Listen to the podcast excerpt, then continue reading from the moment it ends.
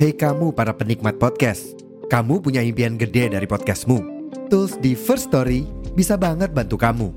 Mulai dari F-Link, Dynamic Audio Insertion, sampai statistik yang komprehensif, semua ada di First Story. Gak ketinggalan, kamu bisa monetisasi podcastmu lewat iklan dari First Story Ads yang bisa kasih kamu penghasilan dari setiap place podcastmu.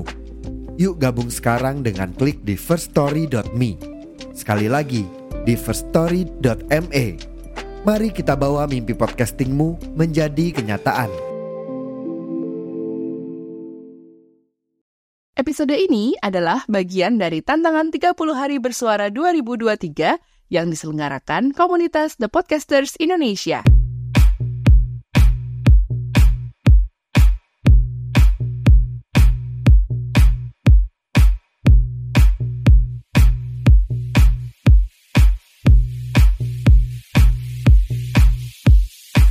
Assalamualaikum warahmatullahi wabarakatuh. Hai.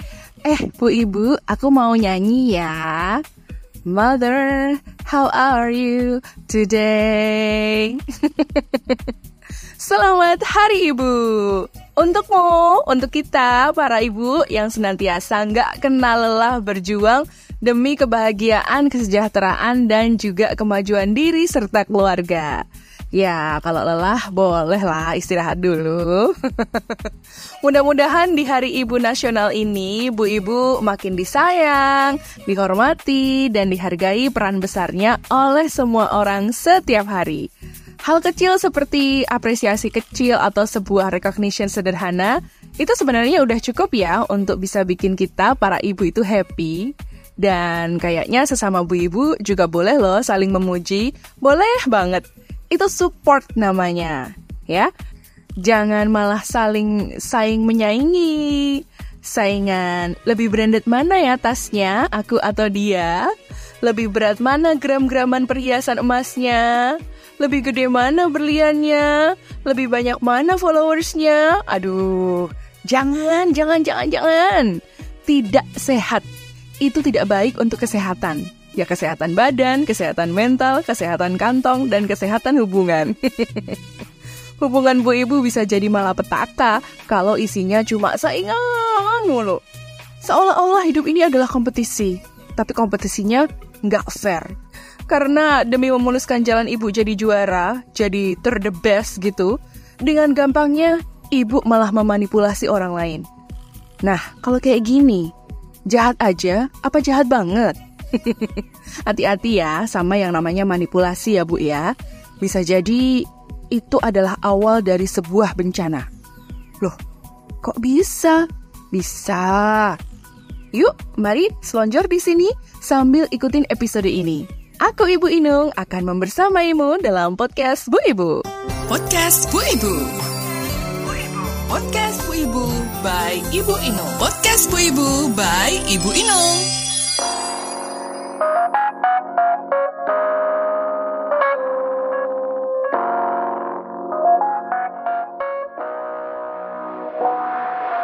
Ibu, ini hari peringatan Hari Ibu Nasional loh. Mudah-mudahan Bu Ibu makin berdaya dan makin maju.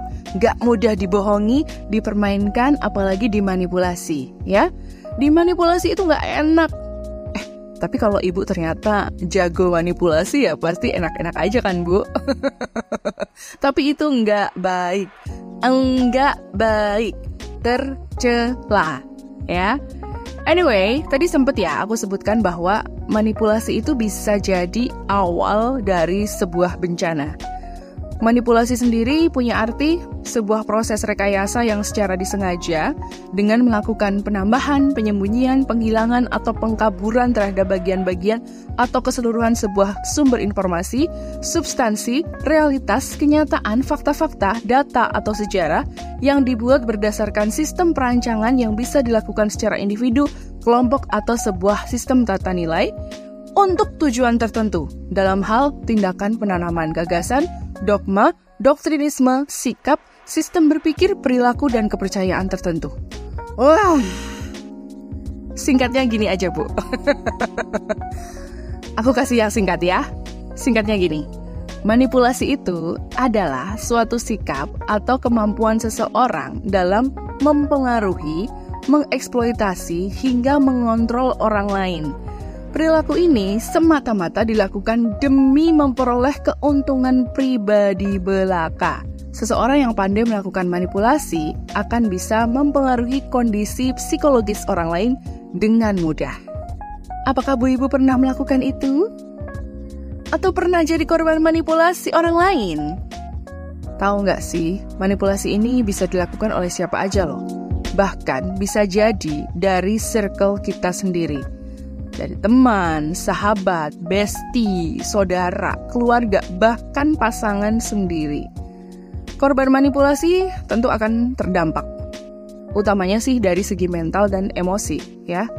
Dan yang pasti, dari satu dua manipulasi yang terjadi, bisa jadi awal kerusakan atau bencana dalam hidup kita. Yang terjadi pada Palestina saat ini, itu juga akibat dari adanya manipulasi loh. Hanya karena Israel membuat sebuah narasi manipulatif bahwa Hamas itu teroris, Israel itu jadi menghalalkan segala cara untuk memeranginya, menuntut tanah yang katanya dijanjikan untuk mereka. Nah, berbekal narasi manipulatif bahwa Hamas bersembunyi di ruang-ruang bawah tanah di Palestina, itu membuat Israel mempengaruhi negara-negara lain untuk kemudian join forces gitu, memburu Hamas dengan melakukan serangan darat dan udara. Mereka itu mempengaruhi pikiran beberapa petinggi dunia untuk berperang di Palestina. Dan akhirnya apa yang terjadi? Bencana. Bencana terjadi di Palestina rumah roboh, gedung hancur, terus banyak casualties alias korban jiwa ya dari orang-orang yang nggak bersalah dan mayoritas adalah perempuan dan anak-anak. You see, Bu? You see? Ini adalah salah satu contoh bagaimana sebuah manipulasi yang dilancarkan itu bisa jadi sebuah resep untuk menimbulkan bencana. Weh, Bu, Narasi manipulatif dari seseorang itu hanyalah akan memberi keuntungan orang yang bersangkutan aja. Dan korbannya udah tentu sangat-sangat-sangat merugi. Merugi mental dan emosional. Dah bener-bener bakalan kena mental deh. Karena biasanya korban manipulasi ini itu seakan-akan tidak sadar bahwa dia dimanipulasi. Setelah sadar dan biasanya terlambat, rasanya tuh akan sakit sekali hatinya. Pasti akan ngerasa, unbelievable banget gitu loh nggak akan percaya banget kok bisa orang itu berlaku seperti itu gitu aku bisa ngomong kayak gini karena aku merasa pernah menjadi korban manipulasi ya dan akan sangat sakit sekali kalau yang memanipulasi itu adalah orang terdekat kita teman misalnya atau sahabat atau keluarga bahkan bisa jadi pasangan gitu Ya, manipulasi dalam hubungan itu juga sangat mungkin terjadi ya. Manipulasi ini tentu punya tujuan yang akan menguntungkan pihak yang memanipulasi gitu, si pelaku manipulasi ini. Manipulasi dalam hubungan itu memang tidak selalu terlihat dan bahkan bisa dilakukan dengan cara-cara yang sangat halus sekali. Nah, oleh karena itu, banyak orang yang mengalami manipulasi dalam hubungan mereka, dalam relationship mereka, tapi nggak nyadar gak bisa menyadarinya. Dan akhirnya apa? Bisa dibilang mengalami sejumlah kerugian yang parah gitu. Ketika dia udah mulai sadar. Meskipun yang namanya manipulasi ini nggak berbahaya ya, tapi nyatanya manipulasi dalam hubungan itu bisa menimbulkan dampak negatif. Mulai dari hilangnya rasa aman, mulai hilangnya rasa percaya dan kepercayaan diri juga berkurang, sampai perasaan dimanfaatkan, marah, bingung, sampai frustrasi, dan akhirnya bisa menyebabkan stres berkepanjangan serta depresi. Mungkin Bu Ibu pernah nonton ya serial Layangan Putus. Tahu kan yang main itu Putri Marino, Reza Rahardian, sama Anya Geraldine. Nah, tayangan putus itu kan ceritanya tentang Mas Aris, Kinan, dan Lydia ya. Bagaimana tiga orang itu saling berhubungan gitu. Di dalam serial layangan putus itu, kita lihat bagaimana Mas Aris itu sangat manipulatif terhadap Kinan, istrinya. Dia manipulatif karena dia ingin memuluskan jalannya untuk bisa berselingkuh sama Lydia. Di situ divisualkan bagaimana kebohongan demi kebohongan Mas Aris yang lama-lama bikin kita gregetan juga ya nontonnya. Ya Bu ya. Nah, salah satu ciri orang manipulatif adalah berbohong. Berbohong itu merupakan senjata ampuh yang sering kali digunakan sebagai taktik manipulasi. Tujuannya bukan untuk menyembunyikan rasa bersalah, tapi juga bikin bingung, gitu. Kalau pelaku melihat kesempatan untuk mendapatkan sesuatu dengan berbohong, mereka itu bisa membuat kebohongan dengan menyembunyikan rahasia besar, ya, seperti Aris berusaha menyembunyikan bahwa dia berselingkuh sama Lydia, atau bahkan bisa memutarbalikkan fakta kayak Lydia gitu kan. Dia itu punya kalimat-kalimat yang memutarbalikan fakta bahwa sebenarnya dia itu nggak salah. Yang salah tuh Mas Ari sebenarnya karena dia ngejar-ngejar Lydia gitu. Lydia punya narasi yang inilah, yang anulah, yang intinya dia nggak mau disalahkan atas uh, rusaknya rumah tangga Kinan gitu. Sementara Kinan, kita bisa lihat betapa dia kena mental ya emosinya jadi nggak stabil, bawaannya jadi curiga, pengen marah. Dan sekalinya marah ke Aris akhirnya meledak. Marahnya Kinan tuh meledak. And then what? What happened next? Malapetaka terjadi di rumah Kinan. Rumah tangganya berantakan, dia pisah, cerai sama Mas Aris. Ini ini sebuah bencana kan? Dinding rumah tangga nggak lagi kokoh ditopang suami istri yang saling cinta, saling percaya. Bikin ambruk rumahnya. Ini namanya bencana rumah tangga. Yang namanya hubungan pertemanan ternyata juga rentan berubah jadi bencana karena sikap manipulatif ini. Bukan dengan kebohongan, tapi dengan menanamkan gagasan atau dogma atau sistem berpikir tertentu gitu dalam film yang dibintangi sama Ringo Agus Rahman dan Nirina Zubir, judulnya itu uh, Jatuh Cinta Seperti di Film-Film. Nah, menurutku sikap si Bagus, tokoh yang diperanin Ringo, sikapnya dia di paruh pertama itu dia sudah mulai manipulatif terhadap Hana yang diperanin Nirina Zubir. Bagus itu demi memuluskan jalannya bisa berhubungan asmara dengan Hana, teman lamanya, adalah dengan cara menyampaikan narasi-narasi bahwa tidak apa-apa di usia 30-an, 40-an itu untuk jatuh cinta lagi.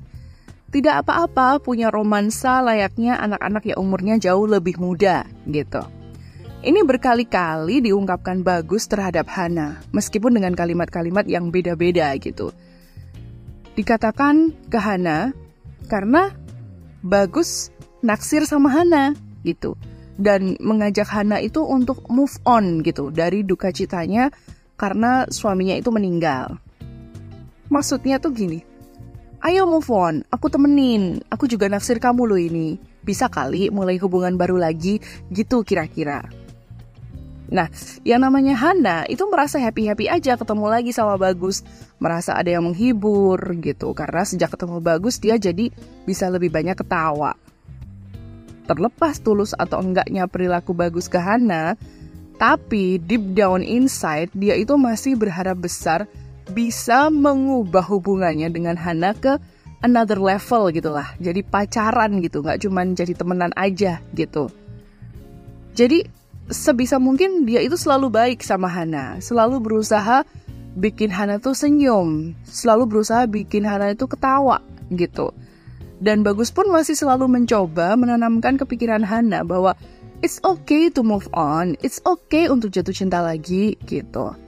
Sampai akhirnya Hana itu sadar bahwa kedekatannya dia dengan Bagus itu ternyata hanya dimanfaatkan Bagus untuk bisa bikin sebuah film gitu. Dan apa yang terjadi? Jelas, Hana marah besar. Hana nggak percaya dengan kelakuannya bagus. Hana emosi. Dan akhirnya apa? Nggak mau ketemu lagi sama Bagus.